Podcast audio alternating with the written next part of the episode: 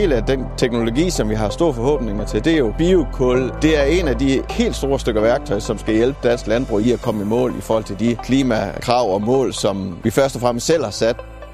Biokul er jo, som jeg har forstået det, i den verden, jeg kommer fra, der er biokul et restprodukt af biogasprocessen.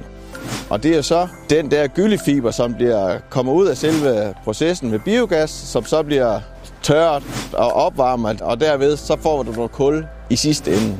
Og det biokul, det er jo så det, der ligesom danner grund for, at man har bundet den her øh, CO2 i jorden i op til en hulens masse år. Og herigennem, så er det også muligt for os at binde og optage en hel del af den CO2.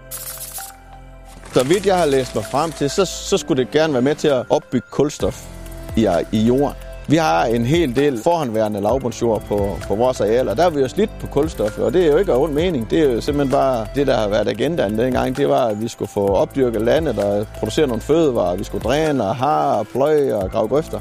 Og det er vi jo slidt og slæbt med. Agendaen er jo stadig, at vi skal producere en masse fødevarer, for det er det, der er brug for. Øh, men vi skal selvfølgelig gøre det på så klog en måde, som, som vi nu engang kan. Så kan vi få opbygget kulstof, så kunne det jo være en god historie, ikke både for mig, men også til fremtidige generationer.